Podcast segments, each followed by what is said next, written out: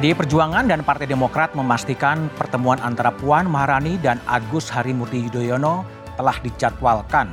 Pertemuan dilakukan di tengah memanasnya hubungan dan saling silang pendapat antara Partai Nasdem dan Demokrat. Dua partai ini terlibat perselisihan terkait soal bakal calon wakil presiden Anies Baswedan. Kedekatan Demokrat dan PDI Perjuangan dianggap bisa mengganggu keutuhan koalisi perubahan untuk persatuan. Meski selama ini terkesan berseberangan, bukan tak mungkin Demokrat dan PDI Perjuangan akhirnya bergandengan tangan. Karena koalisi tak selalu melulu tentang visi dan misi, namun juga bisa karena kesamaan kepentingan. Benarkah PDI Perjuangan tengah menggoyang koalisi perubahan? Dan mungkinkah koalisi antara PDI Perjuangan dan Demokrat bisa terrealisasi? Lalu bagaimana nasib pencapresan Anies Baswedan jika Demokrat hengkang dari koalisi perubahan dan persatuan? Inilah satu media forum manuver Puan goyang koalisi perubahan dalam tanda tanya.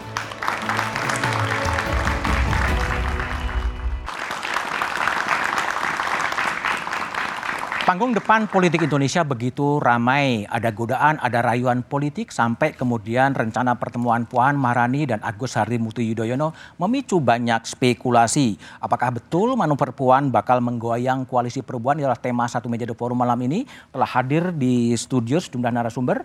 Pak Sarif Hasan, anggota Majelis Tinggi Partai Demokrat. Malam Pak Sarif Hasan. Malam, malam. Di malam. sebelah kanan saya ada Mas Jarod Saiful Hidayat, Ketua DPP PDI Perjuangan. Malam, malam. Mas Jarod.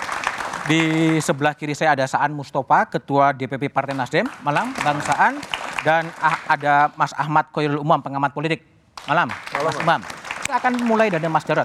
Mas Jarod, pertemuan AHY Puan jadi? Uh, infonya jadi. Kapan? Wah ini masih nunggu. Nunggu hari baik?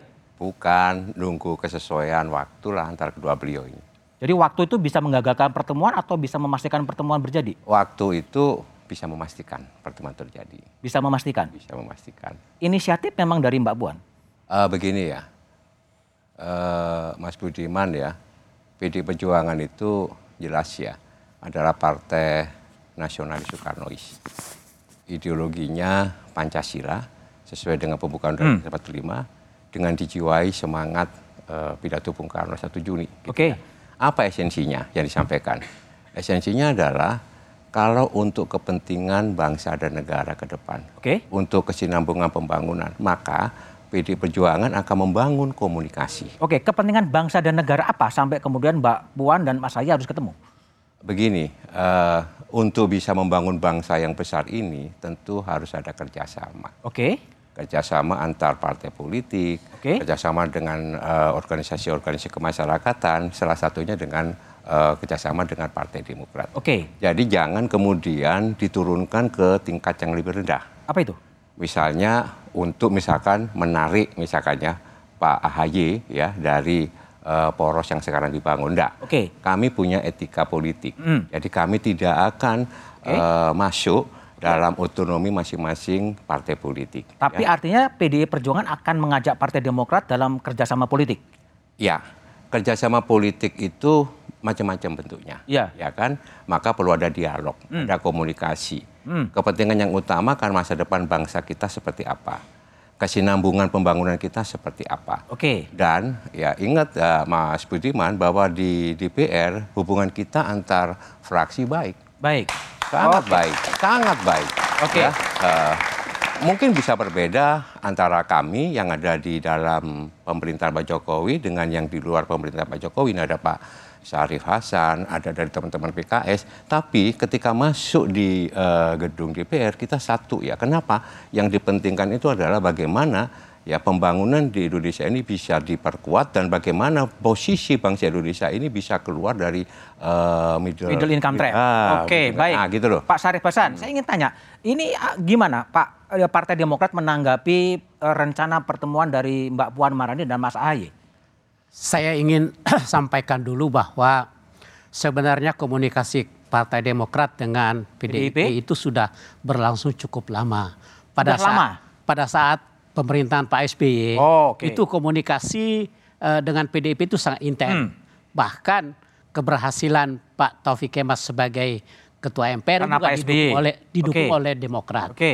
Kemudian pertemuan-pertemuan selanjutnya terjadi Hmm. dan eh, s- 2014 kemarin ini eh, sedikit tidak ada terjadi pertemuan Oke. dan kami bergembira Oke. karena sekarang generasi muda pemimpin kami Oke. ketua umum par- ketua umum Partai Demokrat Mas Ahy dan Mbak Puan di PDIP sekarang bertemu. Bertemu, Ya, Oke. berarti apa? Komunikasi yang tadinya hilang sekarang bertemu. bertemu lagi. Oke. Jadi bukan sesuatu hal yang baru. Hmm. Nah, saya saya eh, Gembira. sangat senang sekali Oke. karena dengan demikian kalau berkomunikasi ini kita akan bisa berbicara apalagi kontestasi nanti 2024. Hah? Tentu ber- mereka akan berbicara tentang masa depan Indonesia yang lebih besar. Oke, Membicarakan tentang bagaimana membangun Indonesia ini lebih sejahtera. Oke. Rakyat menginginkan itu. oke. Dan Term- itulah Termasuk juga gini Pak Sarip, Ya. Demokrat terbuka untuk bekerja sama dengan PDI Perjuangan. sangat terbuka, sangat terbuka. Termasuk dalam koalisi apa pem- eh, pencalonan presiden. Oh, itu kita kita belum tahu nih hasil Hasilnya apa? Hasilnya apa? Tapi kalaupun terjadi, oke. Tetapi yang jelas apa pun hasilnya yang di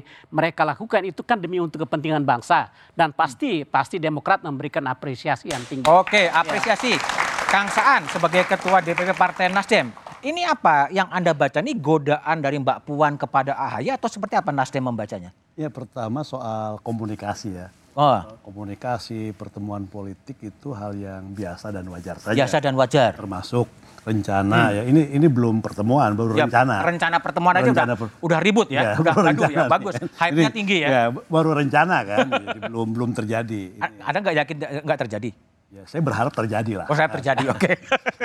Jadi penting, kenapa? Karena kita punya agenda terdekat ini kan pemilu. Hmm. Bagaimana kita bisa menciptakan pemilu yang damai, Hmm. sejuk, Ah. tidak ada ekses seperti dua pemilu yang lalu, Hmm. polarisasi dan sebagainya. Maka komunikasi menjadi penting.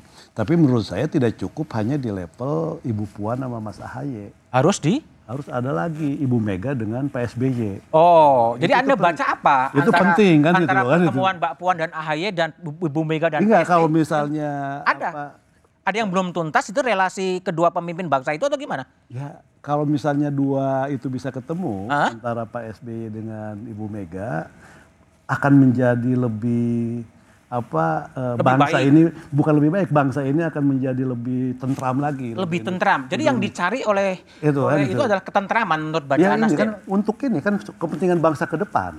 Bangsa ke depan atau koalisi sebetulnya? Enggak, itu dulu pertemuan dulu kan. Oh, pertemuan dulu. Ini Oke. pertemuan dulu. Nah, yang kedua kan kita bicara soal koalisi Ah, kan. terus? Jadi sekali lagi buat Nasdem justru kita mendorong ya pertemuan antar partai seperti Nasdem juga ketemu dengan apa Gerindra, Hmm? ketemu Mbak Puan juga kan sempat ke Nasdem Tower kan itu loh kan ketemu dengan Golkar. Menurut saya di tengah suasana politik yang apa eh, dinamis menjelang pemilu dan sebagainya pertemuan berbagai pimpinan partai itu menjadi penting. Baik. Tapi kalau saya Cuman- baca bangsaan, baca komentar-komentar bangsaan kan ada, anda, anda menangkap kecurigaan Ya, gitu. pertama Dari kan pertanyaan itu. gini, gini. Kan menurut saya gini, pertanyaan sederhananya gini lah. Kenapa sih misalnya baru empat bulan menjelang daftar ke KPU? Oh, baru pasangan calon. bulan. Emang Iya, kenapa? ya kan ini itu satu hal. Ah. Yang di- yang sebelumnya kan diawali dengan ini ada Mas Jarod ya. Ah. Ya, ya. Diawali dengan statement-statement dari elit PDIP, sekjen lah ya. Sekjen PDIP kan apa Emang kalau empat selalu bulan mencapai kenapa? Orang kan berpikir empat bulan udah mau pemilu. Terus kenapa? Agendanya. Ah, pasti dalam konteks bukan dalam semata-mata kepentingan strategis ke depannya. Hah? Tapi ada hal yang lebih taktis lah Apa itu? kan. Taktis misalnya, udah dijelaskan tadi Mbak Puan udah ngomong. Hah? Bahwa Mas AHY masuk dalam radar Oh, Oke. Nah, cawapres. Jadi kan. di- dirayu Nah, gitu itu. ya? Ini, ini kan penting kan. Itu Oke. kan artinya gini loh. Yang namanya pertemuan itu adalah sebagai tindak lanjut dari statementnya Hmm. Mbak Puan Ya. bahwa Mas AHY itu masuk dalam radar cawapres kan. Ya tapi kan Mas Anies juga bicara Mbak Puan juga bisa juga bisa juga Anies Puan. Itu kan nggak keluar dari Mbak Puan. Ya nggak keluar. Ya kan, itu kan nggak keluar dari Mbak Puan. Beda kan kalau ini kan keluarnya dari Mbak Puan kan gitu ya. Mas Maka Budiman. penting untuk ditindaklanjuti sebagai sebuah keseriusan. Oke, gimana Mas Mas? Budiman, begini loh. Ah. Apa yang disampaikan oleh Mbak Puan itu apa salah?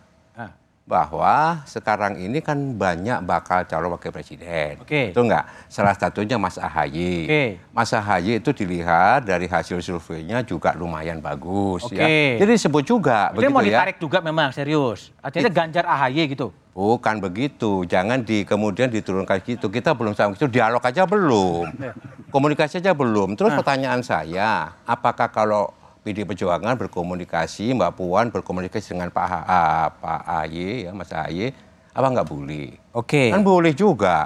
Oke. Kan Mbak Puan selalu sampaikan bahwa untuk membangun bangsa kita ini, ini tidak bisa sendiri-sendiri. Tidak bisa Ini sendiri-sendiri. harus bergotong royong. Inilah esensi dari Pancasila. Satu. Oke, baik. Memang yang jadi pertanyaan adalah pertemuan antara AHY Puan ini betul-betul untuk kepentingan bangsa atau kepentingan yang lebih taktis kita bahas setelah jeda berikut ini.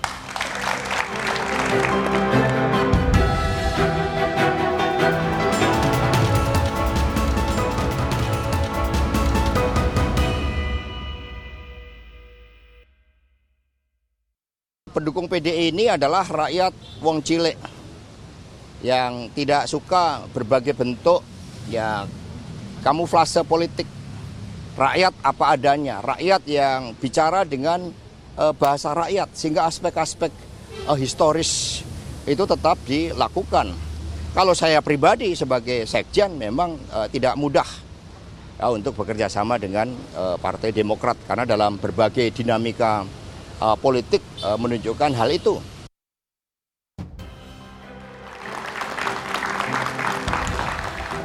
Oke, Mas Aan, Sekjen 23 Juni 2022 mengatakan nggak mudah bekerja sama dengan Partai Demokrat. Sekarang agak berubah posisinya menurut Anda.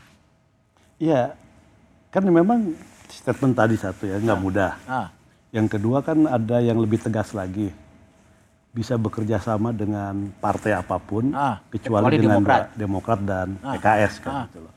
Kan jelas kalau dengan Demokrat lebih ke politis, kan. Hmm. kalau dengan PKS mungkin lebih ke hal-hal yang sifatnya ideologis. Hmm. kan. Nah, tiba-tiba, Tiba-tiba? dalam rentang waktu yang sekian panjang menjelang ke pemilu, tiba-tiba ini berubah haluan kan? itu berubah haluan. berubah haluan dengan cara apa berinisiasi untuk ketemu dengan ketua umum Demokrat, Demokrat. Mas AHY. Walaupun itu hak masing-masing Hak partai, masing-masing, hak masing-masing partai kan dan Oke. tentu sebagai apa fungsionalis partai di luar dua partai itu menghargai itu dan tidak ingin Menghargai sambil bertanya-tanya gitu. dan, iya, menghargai dan Tapi tidak mau ikut campur. Tapi kita kan dua partai Demokrat kan sudah membangun koalisi Oh, dan sudah ada piagam piagam, apa piagam kesepakatan kesepakatan. Dengan berbagai butir macam-macam Oke, oke. yang belum disepakati itu kan cuma satu hal saja Baca wapres. itu calon soal calon Oke. wakil presiden kan Oke. gitu nah Tapi nggak terancam kan? sampai hari ini sih merasa nggak terancam tenang gitu, aja lah ya. karena saya yakin Demokrat akan konsisten Konsisten pada piagam itu. pada piagam itu Oke, baik, Mas Umam. Ini gimana Anda lihat tontonan apa panggung depan ya, panggung depan sekarang dan panggung depan dulu yang berubah apa yang dibaca sebetulnya? Yang saya baca dari respon Kang Saan ada sikap legowo di sana, tapi terselip Legowonya ada rasa Nasdem? Iya, tapi ada terselip rasa cemburu yang Cemburu? kemudian begitu ter, eh, begitu Oh. vulgar bisa terlihat.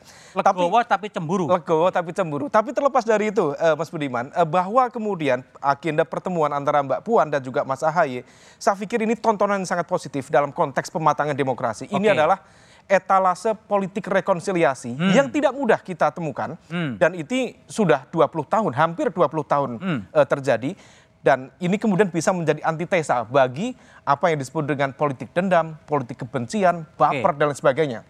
Tetapi di saat yang sama, saya melihat ada ketika kemudian PDIP mengubah 180 derajat Ah. strategi politiknya, maka ada sense of urgency di sana. Dan saya berkeyakinan betul yang dilakukan oleh Mbak Puan, Mas Jarod dan teman-teman, ini tentu atas sepengetahuan Bu Mega. Ini bukan eh, atas Urgensinya apa? urgensinya tentu ada beberapa hal yang kita baca. Pertama, terkait dengan fenomena di mana tren elektabilitas Pak Prabowo mengalami konsolidasi yang cukup signifikan. Naik. Bukan hanya mem- apa bukan hanya dalam konteks mempertahankan basis pemilih loyal dia di 2019, tetapi juga mengambil ceruk basis pemilih loyal dari Pak Jokowi. Dan itu adalah sebuah ancaman cukup serius. Bagi? Nah, bagi PDIP. Bagi PDIP. Karena bagaimanapun juga itu akan berpengaruh terhadap elektoral Oke. Pak Ganjar sebagai capres PDIP. Kemudian di saat yang sama, kita tidak melihat ini sebagai sebuah bentuk pola, eh, pola negosiasi pada tahap awal. Tetapi bisa kita lihat sebagai bagian dari investasi politik, terutama ketika betul kalau misalnya mu- eh, kemudian nanti tiga pasangan capres-cawapres, maka kemudian akan ada putaran kedua. Hmm. Putaran kedua itulah basis kekuatan yang menjadi swing power itu akan menentukan siapa yang akan menjadi pemenang. Oke. Di level itu saya pikir Demokrat memiliki kekuatan cukup signifikan untuk Cukup diperhitungkan signifikan. oleh Oke, PDIP. baik Mas Umam, Mas Jarod. Ini juga PDIP juga apa? Cemas juga, khawatir juga dengan apa? Tren elektabilitas dari Pak Prabowo meningkat dan kemudian mengajak Demokrat. Gimana? Eh, Enggak juga. Enggak juga. Sekarang ini eh, Mas Ganjar posisinya itu lebih tinggi lagi. Lebih Ada tinggi lagi, oke. rebound. Jadi kita tidak hanya berpikir itu ya. Tidak berpikir elektabilitas tidak ya. berpikir itu, tapi kita berpikir bagaimana bangun bangsa kita ini harus bersama-sama, gotong royong. Itu yang selalu disampaikan oleh Mbak Puan ya. Tapi bahwa berubah haluan politik dari dulu yang Mas Hasto katakan dengan sekarang Mbak Aso kan sampaikan bahwa tidak mudah memang. tidak mudah. Tidak mudah. Tapi bukan berarti tidak bisa gitu. Ya. Oh, Oke. Nah, ini adalah satu inisiatif yang baik. Bahkan Mas Hasto sudah menyampaikan ya, itu Saudi Arabia sama Iran, Sunni sama Syiah aja susah sekali ketemu ya. Oh, oke. ketemu kan Ya, gitu ya, ya. ya, ya. Ini bagus ya untuk bisa bangun eh, dialog yang produktif ya antar anak-anak muda. Oke, jadi setelah Dan kemudian, kemudian- jadi Mbak Puan dan Mas Ahy sebagai perantara gitu sebelum pertemuan Bu Mega dengan Pak SBY. Begini, eh, Mbak Puan ini kan ketua DPP partai, Oke, eh, ketua DPR RI. oke. ya punya pengalaman politik yang sangat panjang Ah. yang digembleng ya mulai Hmm. sejak SMA sampai sekarang dan ingat bahwa Mbak Puan itu diberikan tugas oleh ketua umum oleh Ibu Mega untuk membangun komunikasi Dengan siapa pun. dengan partai-partai politik Hmm. dengan organisasi-organisasi kemasyarakatan dan beliau sudah lakukan itu termasuk sudah juga berkunjung ke Nasdem Oke. ya. Ah, ini mau ketemu sama Mas Haye dan eh, kita terima kasih respon dari Partai Demokrat itu welcome juga. Yang menyambut gembira juga. Artinya kalau dalam pertemuan ber- berikutnya nanti kemungkinan Bu Mega dengan Pak SBY. Ibu Mega sudah memberikan penugasan dan Mbak Puan ini adalah ketua tim pemenangan Pileg dan Pilpres. Oke. Mbak Puan itu berpengalaman menjadi ketua tim pemenangan sejak Mas Ganjar di Jawa Tengah. Sampai dengan Pak Jokowi 2014-2019. Nah sekarang itu kewenangan ada pada Mbak Puan. Oke. Sehingga untuk tahap berikutnya tergantung kepada bagaimana dialog antara Pertemuan Mbak Mbak Puan Puan dan dengan Mas. Ahaye. Oke. Tapi jangan sampai kerjasama politik ini dimanai secara sempit.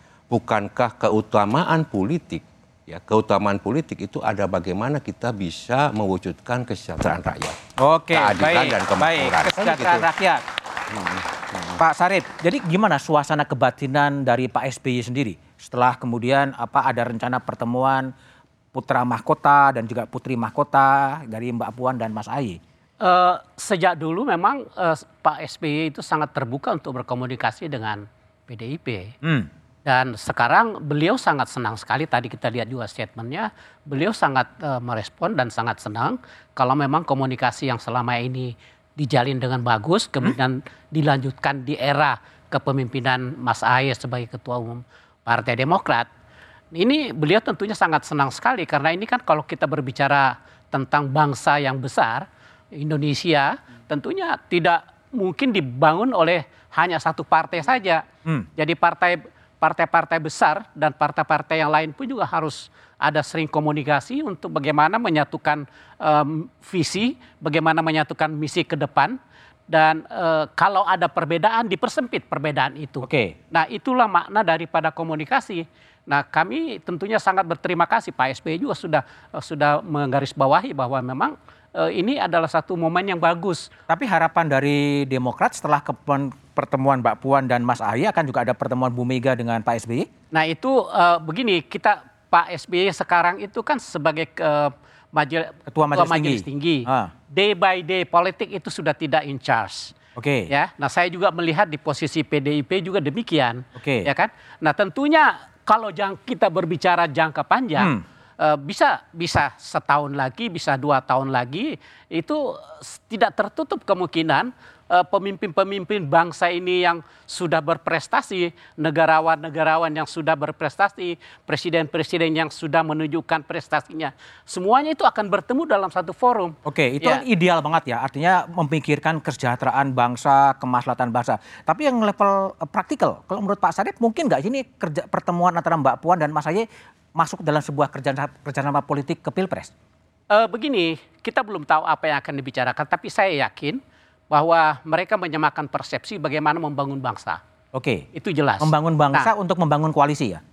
membangun koalisi mungkin saya tidak tahu karena Oh. kita belum tahu, kita nggak bisa berandai-andai. Nggak bisa berandai-andai. yang jelas. Tapi kalau harapannya gimana? Yang jelas, yang jelas sekarang ini PDIP kan juga sudah mengerti bahwa Partai Demokrat sekarang berada di koalisi persat, persa- eh, perubahan dan persatuan. Oke. Dan eh, saya juga melihat eh, dari statement beliau bahwa mereka menghargai itu. Hmm. Nah kami pun juga sebaliknya kami juga menghargai posisi PDIP. Hmm. Nah sekali lagi tentunya posisi masing-masing ini kita saling saling menghargai dan kami tetap konsisten di di eh, tim kecil 8 tim 8 itu komunikasi berjalan terus dan Hmm. eh, sangat sangat progresnya sangat bagus sekali artinya tidak ada sesuatu yang eh, yang patut di, dikhawatirkan di Oke. koalisi kami nah sekali lagi kita tunggu saja Kita tunggu ya. apa apa hasil pembicaraan kedua pemimpin muda ini Hmm. yang menjadi harapan bangsa ke depan kita berbicara Indonesia yang lebih besar lebih ke baik dan lebih besar. Oke. Betul. Kang Saan. Jadi kalau Kang Saan lihat kalau olah pertemuan itu terjadi antisipasi dari PKS dan Nasdem terhadap pertemuan Mas Ahaye dan Mbak Puan seperti apa sih sebenarnya? Ya, kita pertama tentu ya kita berusaha semaksimal mungkin agar bangunan koalisi yang sudah dibangun antara Nasdem, Demokrat dan PKS PKS ini kan tetap solid, tetap utuh, solid. tetap utuh, tetap solid kan. Ini kan Hmm. apa eh, karena masing-masing yang terkait dengan kesepakatan-kesepakatan itu kan sudah dituangkan semua. Yang terkait juga terkait dengan soal calon wakil presidennya juga semua sudah sepakat diserahkan kepada calon presiden ke Mas Anies kan siapa pun yang dipilih oleh Mas Anies. Nasdem tidak mempersoalkan apakah yang dipilih nanti oleh Mas Anies dari internal koalisi ataukah dari luar koalisi itu tidak ada masalah bagi Nasdem. Yang penting Mas Aniesnya merasa yakin dengan pilihannya bahwa ini bisa bekerja sama, ini yang terbaik dan ini mampu memberikan dampak elektoral ketika pilpres dimulai. Jadi sekali lagi salah satu bentuk antisipasi kita apa eh, dengan tidak punya praduga ya kita ingin bahwa koalisi ini tetap solid. tetap Solid ya? utuh. Itu aja. Oke, sebetulnya bagaimana sih ancaman Demokrat yang katanya akan mengevaluasi kalau AHY tidak segera dideklarasikan sebagai capres? Tunggu setelah jeda berikut ini.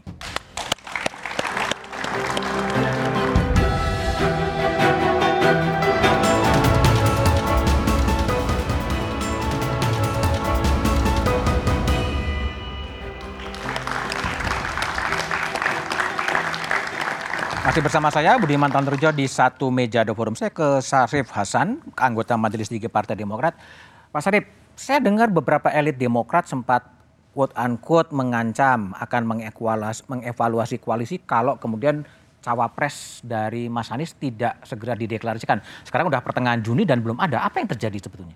Jadi eh, saya pikir evaluasi kata-kata evaluasi itu adalah sesuatu yang lumrah di setiap eh, isu. Hah? Karena eh, bagaimanapun juga kami menginginkan eh, pasangan Anies dengan siapa nanti yang ditunjuk oleh Pak Anies sendiri, kami menginginkan itu betul-betul bisa menang di Pilpres. Bisa menang. Bisa menang. Nah kalau bisa Dan- menang menurut Partai Demokrat siapa? dan eh, itu kembali semuanya sudah kami sepakati dengan eh, koalisi bahwa itu diserahkan kepada pak eh, calon eh, presidennya sendiri. Hmm. Nah artinya apa? Eh, kalau kita memiliki waktu yang cukup untuk Kampanye. kampanye, maka tentu akan lebih meyakinkan kepada ke semua eh, konstituen kita bahwa pasangan yang di- diusung nanti itu akan menang. Jadi ini bukan karena hanya karena ingin seakan-akan eh, mendesak begitu tidak. Dan dan ini betul-betul hanya sekedar evaluasi mengingatkan Oh. bahwa perlu segera untuk ditentukan Oke. supaya apa inilah aspirasi rakyat Oke. rakyat rakyat kami, maksudnya Rakyat eh, Partai Demokrat? ya, Partai Demokrat dan eh, rakyat yang kami temui, semuanya itu ingin menginginkan agar betul-betul pasangan pasangan itu segera terbentuk. Dan Nah, itu adalah itu itulah adalah Anies. AHY. Iya, gimana? Itu adalah Anies AHY. Oh enggak, belum Oh, tentu. enggak, belum tergantung tentu. Anies. Tergantung Anies. Tergantung Anies. Tapi AHY bukan harga mati. Oh enggak, kami tidak pernah me- mengatakan harus AHY. Oke. Iya, dan juga tadi eh, Pak Sudirman Said Hah? dari tim 8 juga Delapan? pernah mengatakan bahwa Partai Demokrat tidak pernah memaksakan harus Tidak pernah memaksakan. Oke. Semuanya kita sepakat kita serahkan kepada calon presiden. Oke, Nah, baik. Gitu. Tujuannya adalah kata-kata itu evaluasi agar mengingatkan kita ini harus menang. Harus menang. Ya, kita Oke. mau menang. Oke. Ya, baik. itu, ya. Mas An, jadi apa yang ditunggu oleh Mas Anies untuk se- tidak segera mendeklarasikan? Kan mandatnya sudah diberikan kepada Mas Anies sebetulnya. Dan memang untuk memilih calon wakil presiden kan memang nggak gampang juga. Nggak gampang ya. Kan banyak faktor lah ya. Tapi Nasdem setuju kalau Mas AHY. Ya pokoknya selama Mas Anies setuju, Oke. kita nggak ada masalah. Karena kita memang sudah menyerahkan sepenuhnya dari awal sejak kita deklarasi 3 Oktober, Hah? kita sudah menyerahkan sepenuhnya urusan calon wakil presiden itu ke Mas Anies. Hmm. Maka siapa pun nama yang keluar dari Mas Anies dan Mas Anies yakin dengan pilihannya, kita nggak akan persoalkan. Betul itu, memang fully mandat kepada Mas Anies. Mas Anies. Tanpa dikonsultasikan dengan Bang Surya. Kalau pasti Mas Anies juga akan sampaikan bahwa akan Sekarang udah ini. belum sih? Apa? Sekarang udah dikonsultasikan belum sih? Ya nama-nama kan sering didiskusikan lah ya. Tapi kan misalnya dipilih Mas Anies, misalnya siapa nanti, sekali lagi itu udah ada di Mas Anies semuanya. Yang pertemuan di pulau itu membahas apa? Semua banyak hal lah yang dibahas. Terkait soal pemenangan, terkait dengan soal apa eh, partai, terkait dengan soal pemilu, semua banyak agenda lah yang dibicarakan. Tidak tunggal. Tapi betul nggak sih rumor-rumor di luar adalah eh, Pak Surya lebih apa agak resisten dengan Mas AHY? Enggak lah. Enggak. Enggak, enggak ada itu. Enggak ada ya, itu rumor eh, di luar aja ya. Itu rumor di enggak bukan dan saya juga nggak pernah mendengar itu. Nggak pernah mendengar ya. nggak pernah mendengar ada rumor misalnya Pak Surya agak resisten dengan Mas Aye enggak. Tapi kalau justru kalau, kalau menurut Bang Saan, peluang untuk Mas Anies dan pasangan bakal cawapres yang bisa menang siapa kira-kira? itu nanti Mas Anies lah yang paham betul Oh. dan juga nanti didiskusikan dengan partai. Hmm.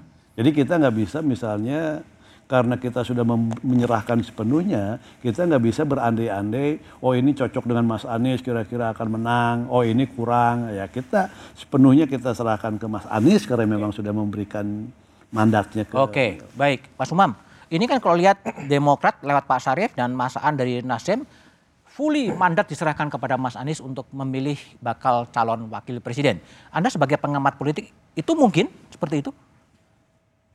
dalam konteks mekanisme di piagam itu memang clear Oke, diletakkan di piagam. pada ya di, Yang tertulis. piagam yang tertulis. Yang tertulis. Tetapi tentu itu tidak akan lepas dari eh, proses pertimbangan cukup panjang dari stakeholders terutama pada elit-elit partai politik yang menjadi pengusungnya. Hmm. Oleh karena itu sepertinya saya menangkap ada eh, gap komunikasi dari eh, Anies Baswedan sendiri kepada elit-elit itu. Karena bagaimanapun Gap juga komunikasi? gap komunikasi dalam arti untuk meyakinkan mereka bahwa pilihan ini adalah yang terbaik bagi Anies. Nah, kalau misal memang tidak ada barrier, tidak ada eh, resistensi di sana, sepertinya cukup lancar-lancar saja. Dan di level ini, kalau misal eh, kita cermati Mas Budiman, sebenarnya begitu mudah. Kalau misal memang otoritasnya sudah diberikan kepada capres, tinggal semua nama-nama potensial diletakkan di sana. Tentukan indikatornya, mulai dari indikator elektabilitas, indikator logistik, indikator ideologi, indikator jaringan partai, indikator jaringan non-partai. Semua itu di- dihitung, termasuk aspek kerentanan. Punya nggak dia potensi kasus eh, eh, hukum? Punya nggak dia eh, terkait dengan isu etika yang kemudian bisa mendelegitimasi dia selama proses eh, pemilihan nanti? Semua itu dihitung dengan cukup mudah, dengan pembobotan skala eh, berbasis itu teorinya kualitatif. kan memang gitu, tapi kan Nah, artinya- ada saling ngancam, eh, artinya- mengevaluasi, melakukan Ya. ini, melakukan itu di level terjadi? itu saya berkeyakinan nama itu sudah ada tetapi Nama sudah ada. tinggal butuh keberanian dari capres dalam konteks ini Anies Baswedan untuk meyakinkan stakeholders itu kalau misal kemudian sudah diyakinkan saya pikir tidak ada masalah nah inilah yang kemudian ada situasi yang kemudian sepertinya terjadi goncangan kecil Hmm. yang kemudian kalau tidak diantisipasi bisa menjadi besar dan ini sepertinya bisa dimanfaatkan dengan baik oleh teman-teman PDIP Oke, Mas Umam, untuk kalau kalau Mas Umam baca ini. ya, Ya. seandainya seandainya kemudian AHY tidak menjadi bacawa pres, sementara sekarang ada rayuan dari Mbak Puan untuk komunikasi, mungkin nggak kemudian Demokrat pindah? Kalau ditanya mungkin atau tidak, jawabannya mungkin. Mungkin. Bagaimanapun juga, memang ada aturan terkait dengan fatsun politik yang harus dihargai. Hmm. Tetapi di dalam konsep umum terkait dengan koalisi, koalisi itu all politics is about sharing, power sharing. Power sharing. Anda dapat apa? Who gets what? Oke, Kalau misal kemudian Nasdem misalnya mendapatkan leverage secara elektoral dari Mas Anies, karena bagaimanapun juga pengusung utama Mas Anies, kemudian PKS sudah mengajukan nama, Demokrat mengajukan nama. Kalau misal PKS sepertinya ada nggak yang marketable secara politik? Kalau misal tidak ada, maka kemudian Tapi jangan-jangan power sharing ini yang belum selesai. Power sharing ini barangkali sudah selesai atau sudah selesai, tetapi yang terpenting adalah meyakinkan stakeholders tadi itu. Itu yang masih jadi PR. Itu yang sepertinya masih ada barrier di sana. Nah, kalau misal Hmm. hal itu terjadi, yang diperlukan itu karakter atau sikap leadership yang lebih firm, Hmm. lebih assertif dari Anies Baswedan sendiri. Karena by regulation terkait dengan piagam eh, koalisi, otoritasnya sudah diberikan kepada dia. Ini ibaratnya hak veto. Hmm. Tetapi kalau veto itu tidak dilakukan, tidak digunakan, artinya there is something there. Oke, Mas Jarod, saya ingin tanya, apakah kemudian ketidakpastian bacawa pres dari Mas Anies inilah kemudian yang membuat manuver Mbak Puan ngundang AHY? Eh, saya ini pribadi ya berdoa supaya Berdoa. berdoa supaya Mas Anies segera menyampaikan. Oke. Karena sudah lama sekali kan, Hmm. sudah tujuh bulan, ya kan, menyampaikan. Gitu kan sudah solid, kan gitu tadi sampaikan sudah solid ya. Kemudian sudah utuh, itu semakin disampaikan semakin baik. Oke. Kemudian eh, kami tahu etika politik. Kita di poros yang berbeda, di gerbong yang berbeda. Ya, antara makanya kami selalu menyampaikan, Bu Mega selalu menyampaikan bahwa ini bukan koalisi loh, ini Kerjasama. kerjasama Oke. antar partai politik karena sistem kita sistem Presidensial. kan gitu kan ya. Nah, hati-hati loh ya. Jadi dalam sistem kerjasama ini, meskipun kita berbeda poros, berbeda kereta, kan boleh kalau berkomunikasi misalkan dengan Partai Demokrat, dengan Nasdem, kan gitu kan bukan melulu ketika berkomunikasi hanya sekedar membahas masalah capres cawapres. Oh. Ada yang lebih besar daripada itu, ya kan? Nah, dengan cara seperti itulah kita mungkin memastikan bahwa eh, Jadi pertemuan ada Puan AHY bukan untuk menggoncang koalisi ya? Oh, enggak. Enggak ya? Untuk memastikan bahwa arah pembangunan kita itu berkesinambungan. Hmm. Inilah yang kita bicarakan di Badan Pengkajian MPR dan beliau ini adalah koordinator Badan Pengkajian MPR, saya itu ketua Badan Pengkajian supaya arah pembangunan Indonesia itu berkelanjutan. Berkelanjutan, Dari oke. satu eh, eh, dari 10 tahun Pak Jokowi akan diteruskan siapa pun penggantinya jangan pokar pasang. Makanya selalu kami sampaikan kalau ada perubahan perubahan yang seperti apa? Karena perubahan itu bisa juga tidak baik juga gitu ya. Hmm. Ya, ya, ya. Nggak Dibongkar-bongkar jelas. nggak jelas Dibongkar-bongkar. juga gitu Oke. ya. Sehingga arah pembangunan kita itu jelas. Kenapa Mas Budiman? Kita nggak ada GBAN loh, maka kita harus punya haluan negara. Sehingga Oke. arah Indonesia 2045 itu seperti apa? Inilah yang kita pikirkan. Sekarang ya. Maka ini enggak sudah jadi dulu. dulu. Sehingga ini kita membutuhkan komunikasi dengan Oke, Mas komunika- Oke, jadi dengan- komunikasi antar partai politik tetap Nah. dibutuhkan. Tapi sebenarnya nanti bagaimana dengan nasib koalisi perubahan dan persatuan setelah jeda berikut ini?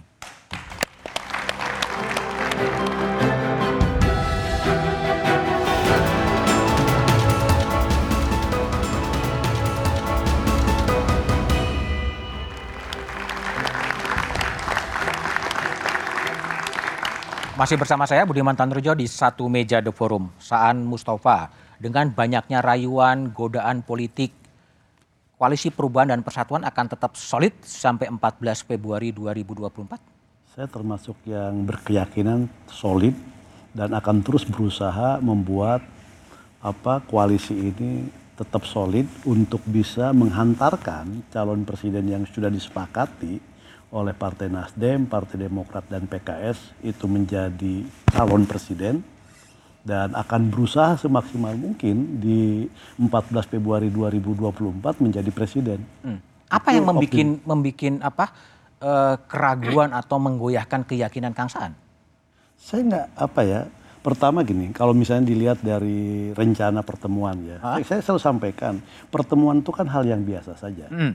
Nah, yang kedua, kalau saya konstruksikan ide pertemuan yang digagas oleh PDIP itu kan ketika Mbak Puan mengendos nama AHY. Oke. yang masuk radar calon wakil presidennya Pak Ganjar. kan Ganjar. gitu loh. Nah, sebagai bentuk misalnya pertanggungjawaban politik, tidak hanya asal sebut, maka ada ide untuk dilakukan pertemuan. Nah, saya termasuk yang berkeyakinan, walaupun misalnya itu terjadi ya, kan sampai hari ini belum terjadi. Belum terjadi. Saya, walaupun itu nanti terjadi, saya berkeyakinan bahwa Demokrat dalam hal ini Mas Ahaye itu akan tetap istiqomah, Istiqomah. akan tetap konsisten ada dalam barisan koalisi perubahan untuk persatuan. Itu ya, oke, baik. Mas Jarot, jadi kalau yang di, yang dipersiapkan sekarang atau yang diharapkan oleh Anda menjelang pertemuan eh, Mas Ahaye dan Mbak Puan seperti apa sih sebetulnya? Eh, yang dibicarakan itu pasti persoalan-persoalan yang lebih besar daripada sekedar eh, capres cawapres ya. Tapi persoalan-persoalan kebangsaan, bagaimana kita bisa membangun persatuan di antara kita semua, bagaimana ngurus bangsa ini harus selalu bergotong royong, eh, semua kekuatan eh, yang ada di masyarakat itu bisa bersatu untuk bisa memastikan bahwa apa yang sudah diletakkan oleh Pak Jokowi selama 10 tahun itu bisa ada kesinambungan. Bagaimana kita semakin mempercepat proses eh, terwujudnya Indonesia Raya. Indonesia Raya itu adalah Indonesia yang sejahtera, rakyatnya sejahtera, ada keadilan, ada kemakmuran ya. Itu menjadi eh, fokus kita. Jadi bukan sekedar silaturahmi komunikasi itu membahas masalah capres cawapres. Kemudian yang kedua, eh, posisi PD Perjuangan itu sangat menghargai, tahu etika politik ya, bahwa urusan eh, di gerbong atau porosnya Mas Anies dan kawan-kawan silahkan jalan. Tetap jalan. Kami akan memperkuat barisan kami sendiri, ya kan, kerjasama dengan partai-partai politik yang sekarang sudah dibangun juga oleh PD Perjuangan. Tapi pernyataan Mbak Puan yang mengatakan eh, apa meng- termasuk memasukkan Mas Ahaye sebagai cawapres dari Mas Ganjar itu serius atau gimmick politik? Begini, bukan gimmick politik. Bukan. Apa yang disampaikan oleh Mbak Puan itu tidak salah. Ketika ditanya siapa bakal calon wakil presiden yang potensial, maka disebut semuanya, Hmm. termasuk Mas Ahaye. Oke. Ya, kenapa? Karena Mas Ahaye ini kita lihat itu juga trennya cukup positif. Hmm. Ada juga itu eh, Mas Sandiaga Uno, ada Pak Mahfud MD, Oke. semuanya disebut. Hmm. Ada Erick Thohir, ya, ada sampai disebut juga Pak Basuki, Hmm. termasuk juga calon-calon bakal calon eh, presiden eh, perempuan, kan disebut juga. Hmm. Jadi tidak salah, memang itu nama-nama yang muncul Hmm. dan ini yang disebut ya. Ya. Ah, untuk bisa menentukan itu, itu nanti eh, Mas Ganjar itu kan baru diputuskan baru dua bulan, maka perlulah eh, kita untuk memotret potensi-potensi bakal calon wakil presiden yang bagus-bagus ini Oke. untuk bisa meneruskan, melanjutkan apa yang sudah diletakkan Pak Jokowi selama 10 Pokoknya tahun. eh, impian besarnya adalah kesinambungan ya. Ya, betul. Mas Sarip, jadi kalau Pak Sarip eh, lihat yang diharapkan dengan rencana pertemuan dari Mbak Puan dan Mas Ahy tadi kan konteksnya adalah meneruskan eh, kesinambungan pembangunan dari Pak Jokowi. Pak Sarip lihat dari Partai Demokrat seperti apa? sebetulnya? Ya, kami dari eh, Partai Demokrat itu kan untuk tahun 2024 ini memiliki tak lain itu adalah perubahan dan perbaikan. Jadi apa yang apa yang sudah bagus dikerjakan oleh Pak Jokowi, tentu ini harus kita kita maintain, kita lanjutkan. Dan apa yang kami anggap itu perlu diperbaiki sesuai dengan ekspektasi rakyat yang kami jumpai sekarang, eh, yang memberikan suaranya, pandangannya dan eh, harapannya tentu itu kami eh, kami akan eh, kami akan adopsi untuk kami lakukan perbaikan di di tempat-tempat tertentu di poin-poin tertentu. Ya yang paling banyak kan itu menyangkut tentang masalah peng- kemiskinan pengangguran daya dan sebagainya. Nah artinya apa? Artinya bahwa kami kami setuju menghargai apa yang sudah bagus Oke. tetapi yang perlu kita lakukan perbaikan Oke. ya demi untuk agar bangsa ini lebih bi- bisa Baik bisa lagi. live up Hmm? dengan dengan eh, signifikan tentu itu perlu mer- memerlukan perbaikan memerlukan perubahan Oke, kalau spesifik soal ibu kota baru, ibu kota Nusantara, posisi Partai Demokrat ini termasuk program yang baik atau program yang harus dikoreksi? saya pikir idenya idenya bagus Idenya ya. bagus? idenya bagus mungkin mungkin mungkin timingnya yang perlu untuk kita lihat Oke. dan juga eh, kita pa- pada dasarnya tadi sudah saya katakan eh, kalau memang itu bagus ya kita lanjutkan ya kan Nah, tentu uh, semuanya ini uh, sudah tercermin dalam sikap kami di paripurna sebelumnya hmm? yang menyangkut masalah IKN ini. Lagi-lagi uh, uh, kami mendukung mendukung semua program yang bagus. Oke. Okay. Tapi yang yang yang perlu untuk melakukan dilakukan perbaikan ya perlu kita lakukan perbaiki. Oke, okay. nah. baik, baik, Mas uh, Umam, Anda optimis bahwa pertemuan antara Mbak Puan dan Mas Aye akan menjadi deal politik antara PDIP dan Partai Demokrat? Setidaknya tawaran kerjasama dari PDIP kepada Demokrat ini akan menjadi ujian serius bagi soliditas koalisi perubahan. Oke. Karena bagaimanapun juga bacaan selama ini yang menilai misalnya bahwa Demokrat sepertinya nggak punya pilihan, Demokrat nggak mungkin ke mana-mana. Hmm. Ternyata per hari ini dengan adanya tawaran dari PDIP memungkinkan. Jadi politics is all about possibilities itu ternyata terjadi. Dan kemudian di saat yang sama, kalau misal kemudian kita lihat, barangkali bukan di putaran pertama, tetapi apa yang dilakukan oleh PDIP adalah upaya investasi untuk masuk di putaran kedua. Kalau melakukan bacaan dari basis kekuatan elektoral eh, per satu tahun terakhir, Mas, maka yang terkuat adalah Ganjar dan juga Prabowo dengan dinamika elektoral yang belum ada stabilitas di situ. Kalau misal memang itu kemudian terjadi yang lolos di putaran pertama, masuk di putaran kedua, maka yang paling memungkinkan, paling visible untuk didekati oleh eh, PDIP saat ini, salah satunya adalah Demokrat. Karena dalam bacaan skema itu ada barrier secara ideologis dengan PKS dan juga dengan Nasdem sepertinya ada situasi per kemarin Mas yang sepertinya agak ada resistensi di sana yang belum uh, terselesaikan antara eh, PDIP dengan Nasdem. Maka yang paling visible, paling memungkinkan didekati adalah uh, Demokrat. Nah, di level ini maka kemudian doktrin lama bahwa the enemy of my okay. enemy is my friend. Oke. Okay. Musuh dari musuh saya adalah teman saya. Nah, okay. di situ nanti akan kita buktikan. Dan itu adalah kepentingan ya? Dan itu adalah kepentingan. Oke, okay, thank you Mas Umam, Mas Saan, Mas Jarot, dan Pak Sarif Hasan. Panggung depan politik bangsa ini kian ramai. Elit politik bermanuver ke kiri, ke kanan. Rayuan politik diumbar ke semua jurusan guna memperebutkan tiket menuju ke kekuasaan. Tontonan panggung depan itu menyampaikan satu pesan dalam, dalam politik, tiada lawan dan kawan abadi selain kepentingan. Padahal publik ingin mendengar gagasan bagaimana mengatasi korupsi yang menawan bangsa ini, korupsi yang memiskinkan, dan korupsi yang memperlebar kesenjangan. Demikian satu meja di forum malam ini, sampai jumpa pekan depan, selamat malam dan terima kasih.